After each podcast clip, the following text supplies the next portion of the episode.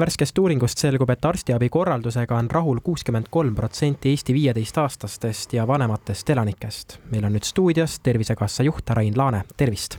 tervist! no kui kuuskümmend kolm protsenti on rahul, siis näib, et see ülejäänud kolmkümmend seitse protsenti päris rahul ei ole, seega vist rõõmustamiseks põhjust ei ole.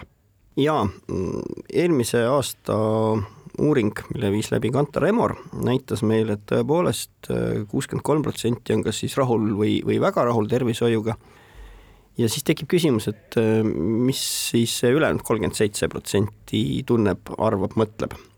ja, ja üldiselt joonistus seal välja see trend, et äh, kui kuuskümmend kolm protsenti ja need inimesed on kõige rohkem rahul eriarstiabiga ja samamoodi siis see ülejäänud osa, kes äh, piisava kiirusega ei saanud äh, arsti või, või õe vastuvõtuaega, siis nemad on mitte rahul.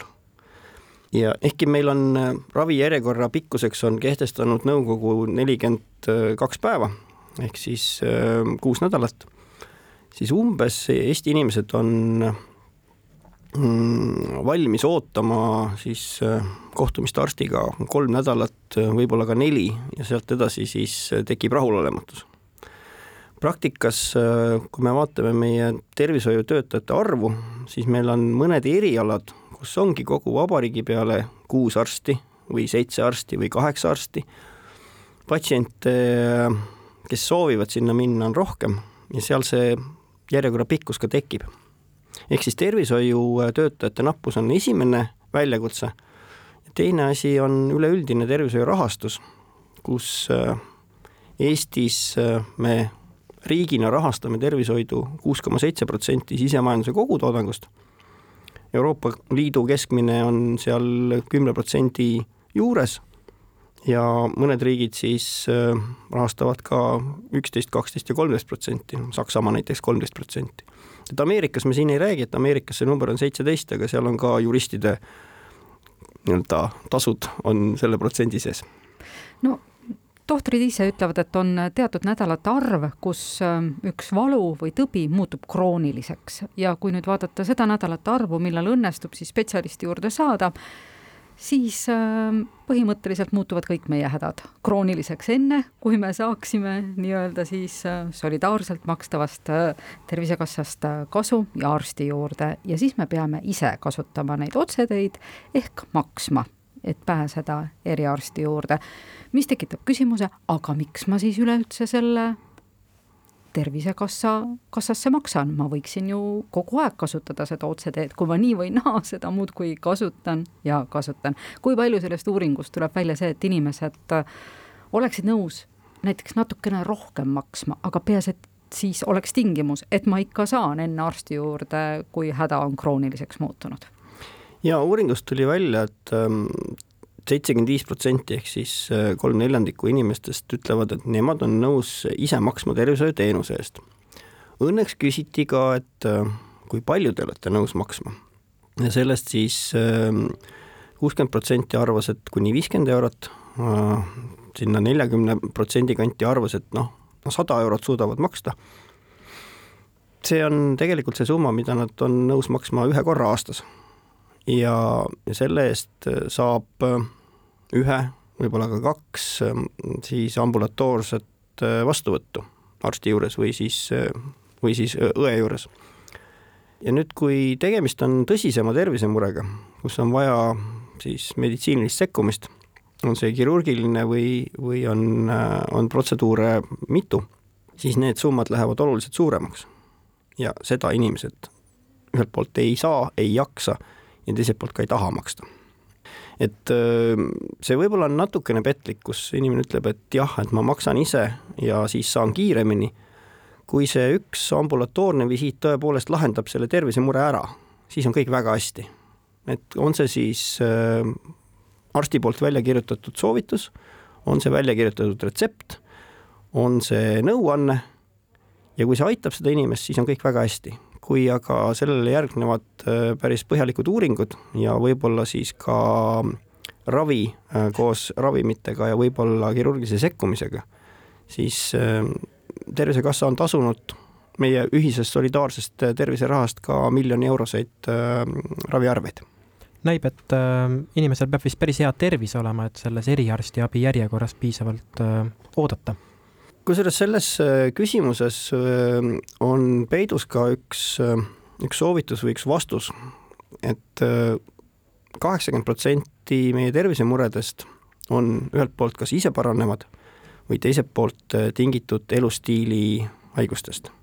ja, ja kui me täna räägime ikkagi edendusest ja ennetusest, siis need on need asjad, kus inimene saab otsuse ise vastu võtta või hommikul peegli ees vaatate endale, endaga tõtt, tehke endale pai selle eest, et te teate, kui vähe või kui palju te liigute, kui vähe või palju te tarbite erinevaid asju.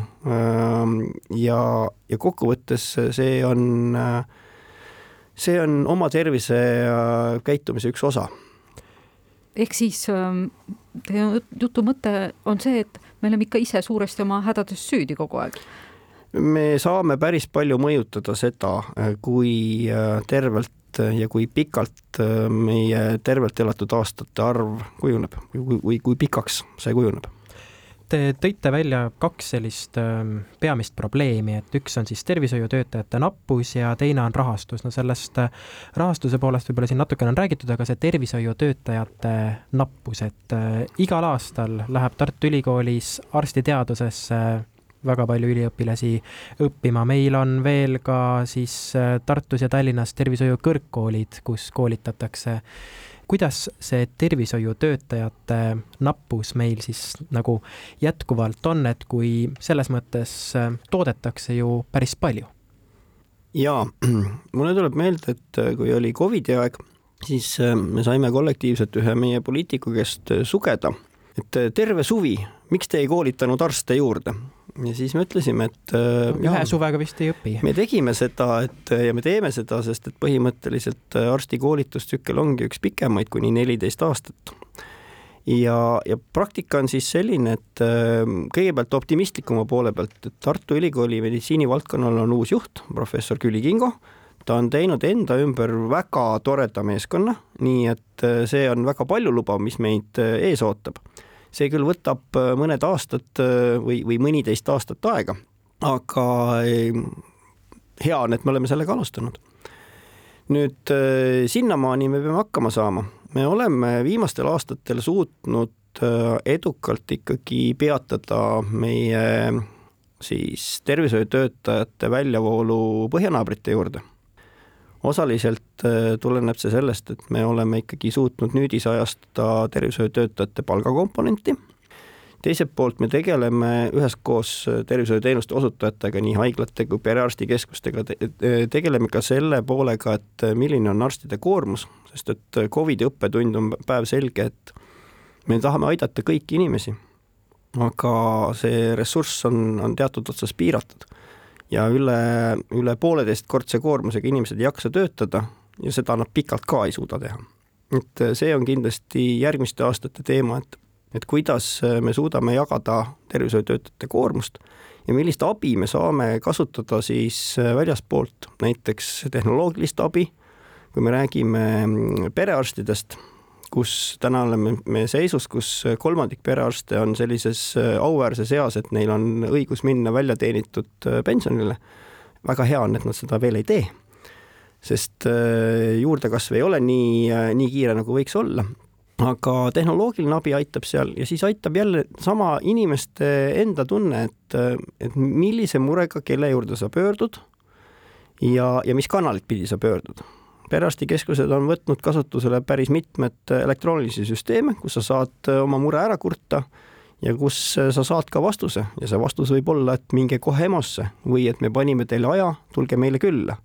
või on siis soovitus, et, et öö, äh, ostke seda või teist äh, rohtu või salvi või me kirjutasime selle välja ja nädala ajaga see äh, tõbi paraneb.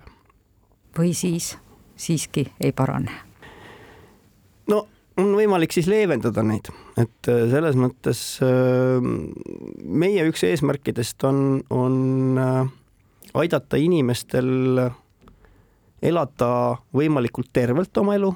Ja siis, kui on tervisemure, siis leida sellele selline lahendus, et meie tervelt elatud aastate arv ei vähene, vaid kasvab. kas midagi peaks kogu süsteemis totaalselt ümber tegema, mingi üks lõik, mida te näete, et see ei tööta, ei tööta juba ammu ja tuleb midagi teha? meil on, meil on paljud asjad on sellised, mis, mis toimivad ja me ise imestame, et kuidas nad toimivad, sellepärast et nad toimivad sellises kriitilises ähm, piirkonnas või, või siis vahekorras. ja kui on üks asi ja tervishoiutöötajatest ja, ja nende koolitusest me täna rääkisime ja seal on selline, selline lootuskiir olemas siis äh, asi, millest me peame rääkima, on äh, kogu tervishoiu rahastus, sest et äh, meil on kaks tuhat kakskümmend neli veel viimast aastat ähm, Riigikogu poolt otsustatud tegevustoetus suurusjärgus sada kakskümmend viis miljonit on kaks tuhat kakskümmend neli. ja järgmise aasta eelarvest on meil sada viiskümmend kuni sada seitsekümmend viis miljonit eurot puudu. meie tervishoiuteenuste hinnatud nõudlusest me suudame täna täita üheksakümmend neli protsenti, paar aastat tagasi oli see üheksakümmend kuus. see üheksakümmend kuus oli selline üheksakümmend kuus pool isegi. see oli selline, ma ütleks tasakaalupunkt, kus, kus ei saa öelda, et hundid söönud, lambad terved, aga seda rahulolematust oli oluliselt vähem. ja seda peegeldas seesama uuring paar aastat tagasi, kus me ikkagi jõudsime numbrini seitsekümmend. täna me oleme seal kuuekümne kolme peal, mis on number enne Covidit tagasi et äh, poliitikutega koos me peame välja mõtlema kaks asja, üks on see, et kuidas tervishoiu rahastamise jätkusuutlikkust tagada, see on üks, ja teine teema on see, et äh, kus lähiaastatel see puuduolev raha leida. ja see ei ole, äh, see ei ole selline teema, et tõstame homme makse, sellepärast et meie maksukoormus on inimestele juba täna muutunud suhteliselt talumatuks. et seal peab natuke teisi asju vaatama me omalt poolt äh, oleme välja mõelnud selle tõhustamiskava, mida me suudame teha, et me suudame aastas ühe protsendi asju teha efektiivsemalt, ma mõtlen kogu tervishoiusüsteemis, mitte meie tegevuskulusid. ja rahaliselt see tähendab suurusjärku kakskümmend viis miljonit, aga kui ma ütlesin enne numbri sada seitsekümmend viis miljonit, siis kakskümmend viis maha võtta, siis ongi sada viiskümmend miljonit puudu ja see on kaks tuhat kakskümmend viis. edasi see number süveneb, sellepärast et vaadates äh, meie ühelt poolt elanikkonna vananemist ja teiselt poolt maksude optimeerimist, siis see puudujääk järjest kasvab. ja siis poliitikud mõtlevad neid lahendusi. kui oleks, oleks üks hea lahendus, siis see oleks juba ära tehtud, et tõenäoliselt see õige vastus on kombinatsioon väga paljudest erinevatest asjadest. tervisekassa juht Rain Laane, aitäh teile